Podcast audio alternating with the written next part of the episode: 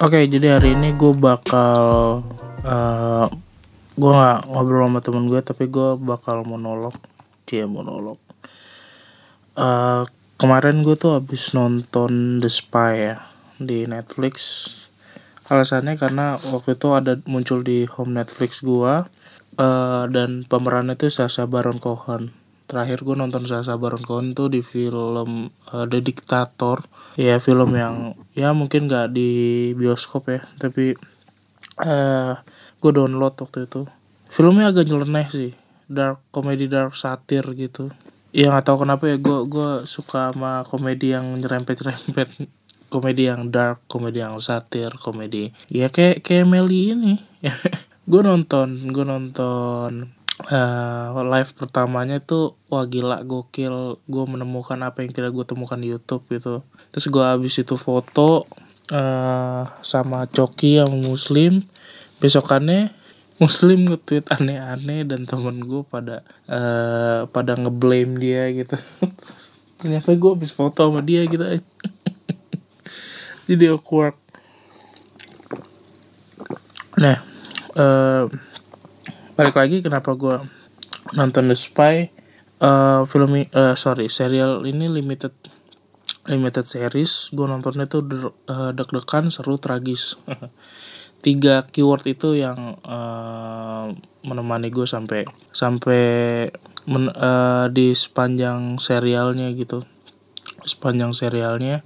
Dan dan ini diambil dari kejadian nyata based on true story gitu gue gimana ya nontonnya?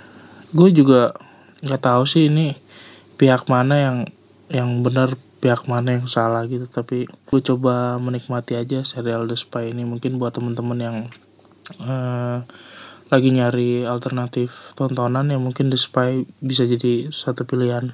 Jadi gue cari di Google dan memang benar uh, apa namanya aktor pemeran utamanya sama dengan uh, latar tempatnya. Dia kan agen Mossad ya. Benar-benar uh, dijelasin banget uh, backgroundnya gitu. Kayak gitu kayak gitu. Cuma ada beberapa uh, event yang di serial sama yang di uh, kisah nyatanya tuh ada sedikit berbeda gitu ya tapi mostly sama sih. Jadi uh, kalau di serial itu kan si pemeran utamanya itu Ellie Cohen itu kan uh, dia dulu kerja di suatu kalau nggak salah itu kerja di suatu retail gitu ya. Terus ada ada tawaran untuk membela negerinya gitu. Terus habis itu ada ada ada tawaran untuk membela negerinya terus dia apply gitu untuk untuk jadi agen gitu dan diterima secara physically dan secara uh, intelijensi dia cukup. Itu akhirnya dia bekerja untuk Mossad kayak gitu.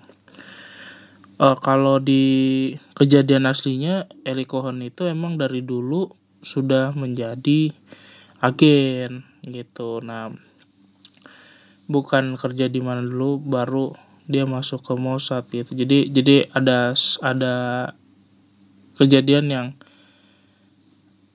uh, sebelumnya beda tapi setelahnya sama kayak gitu. Uh, setelah dia masuk ke ini baru apa namanya setelah dia masuk ke apa ya semacam uh, operasi baru gitu. Itu ke belakangnya sama sama kayak di serial tapi sebelumnya beda. Tentang The Spy ada lagi kalau di film tuh ada Argo ada American Made ada 13 Hours The Secret Soldiers of Benghazi. Ada American Sniper yang uh, gak jauh beda uh, filmnya itu pasti dimulai dengan embel-embel based on true story gitu. Ya, kalau uh, Argo tuh Argo Argo tuh tentang apa sih? Pembebasan staff-staff Amerika yang ada di Timur Tengah ya Iran atau apa gitu gue lupa. Ameri American Made itu tentang pilot Amerika yang uh, kerja sama sama uh, gembong narkoba di Meksiko 13 Hours juga tentang pembebasan staf uh, kedubes yang ada di Timur Tengah juga ya mirip-mirip lah. Uh, American Sniper tentang kehidupan setelah perang kayak gitu. Itu semuanya hampir sama based on true story. Nah gue merasa bahwa embel-embel ini tuh membawa efek yang lebih kepada para penontonnya di mana ketika ada tulisan based on true story itu pengalaman tentang eh, sorry berarti ini pengalaman yang benar-benar kejadian gitu. Apa yang pernah kejadian terus di di apa namanya di di adeganin lagi gitu.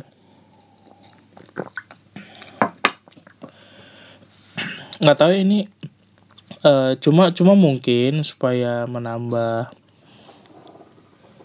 supaya menambah uh, apa ya dramanya gitu dikasih embel-embel based on true story kayak gitu.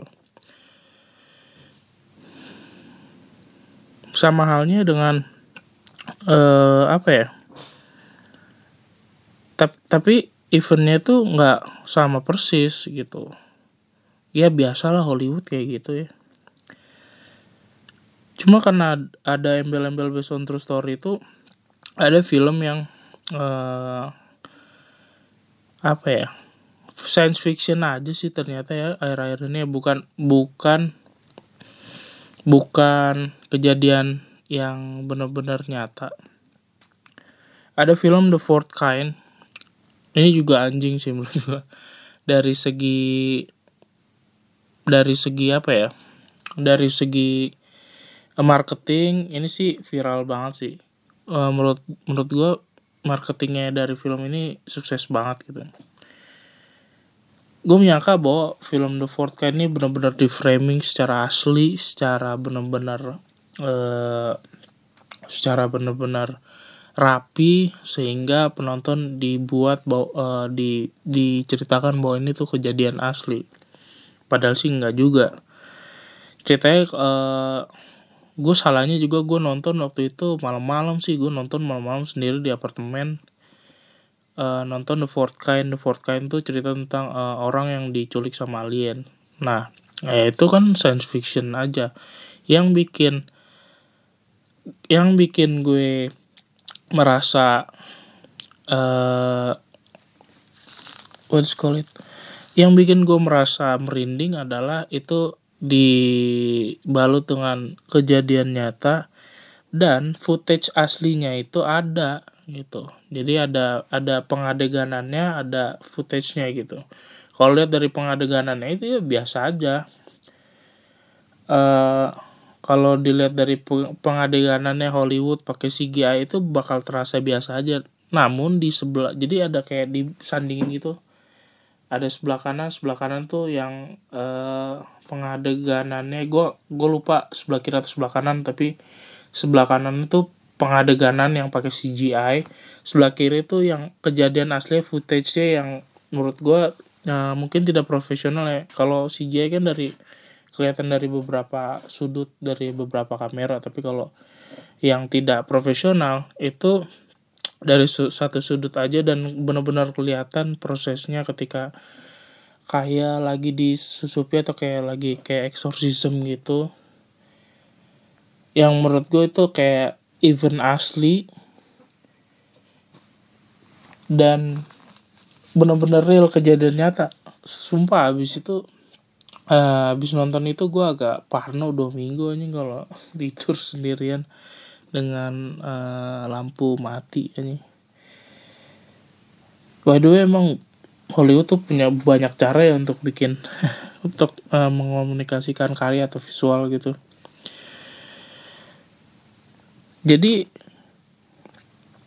yang gue mau coba sampein adalah uh, based on true story pada sebuah film itu nggak 100% sama dengan event asli. Uh, banyak orang yang nyebutnya itu adalah doku drama atau dokumenter drama. Jadi uh, mungkin film-film ini tuh kayak terinspirasi gitu. Namun ada part yang harus dirubah untuk kepentingan uh, cerita atau kepentingan uh, film kayak gitu. Demi me, me kayaknya sih untuk kelancaran cerita kayak gitu. Dan dan bikin film tuh lebih laku lagi uh, secara marketing atau uh, marketing viral supaya laku gitu. Jadi uh, menurut gue ya un ya kalau dengan otak bisnis secara pro uh, apa namanya secara produser kan uh, bikin nih film laku gimana caranya berbagai cara dilakukan gitu. Namun doku drama itu berbeda dengan dokumenter. Dokumenter pra praktis itulah. Kalau kita lihat dari pengertiannya dokumenter adalah uh, film yang mendokumentasikan kenyataan. Dan uh, mostly film-film dokumenter tuh ada interviewnya dari uh, dari si pelakunya kayak gitu. Ada dua film Netflix doku, uh, dokumenter ya karena ya emang karena ada di Netflix dan dan ya udah gue nonton aja ada dua film yang abis gue nonton abis gue tonton uh, tentang dokumenter itu. Yang pertama adalah Fire. Ya pasti lo pernah nonton juga ya. Sama yang kedua adalah The Great Hack. Fire tuh tentang uh, apa ya kejadian yang tragis menurut gue karena uh, menceritakan tentang uh, kejadian uh, batalnya festival uh, Fire Festival gitu yang sempat viral itu dijelasin oleh pelakunya oleh pelaku bisnisnya oleh uh, orang-orangnya staffnya tapi bosnya enggak gitu. Dari situ kayak uh, kayak merasa sepihak aja gitu. Terus yang yang gue tonton berikutnya The Great Hack uh, film tentang uh, skandal Facebook dengan British Analytica intinya sih pokoknya tentang uh, pencurian data dimulai dari fitur di Facebook gitu terus data-data analitiknya dijual ke British Analytica yang mana British Analytica itu ter terafiliasi dengan Brexit dan juga uh, pemilihan Presiden Trump gitu. Uh, terus di The Great Hack juga dijelasin juga uh, korbannya korban korban korbannya staff dari British Analytica yang udah resign gitu. Um, overall overall emang setiap uh, film dokumenter praktis tuh ada langsung yang yang menceritakannya gitu. Langsung yang menceritakannya uh, jadi kayak interview gitu dari pelakunya atau orang-orang yang terlibat di satu event itu gitu. Um, bukan bukan di apa namanya bukan di adeganin juga kayak di film American Made gitu kayak di film Argo gitu tapi mungkin doku drama itu adalah uh, tingkatannya lebih atas daripada film daripada film dokumenter kayak gitu. Tapi dengan beberapa perubahan adegan kayak gitu sih. Ya, itu aja sedikit uh, cerita gue tentang uh, film dengan embel-embel true story gitu. Uh, jadi lo juga bisa ada sedikit perbedaan lah antara doku drama dan juga dokumenter uh, dan juga tentang film dengan embel-embel true story. Terima kasih yang udah dengerin podcast gue. Uh, kalau nanti ada masukan bisa melalui DM. Kalau di uh, apa namanya? Dan kalau diskusinya rame bakal gue lanjut ke part 2. Itu aja uh, podcast gue. Jangan lupa follow IG gue novalirwn. Follow IG Twitter di novalirwn juga follow uh, dan juga follow podcast teman main di Spotify. Oke, okay, gue Noval, gue cabut.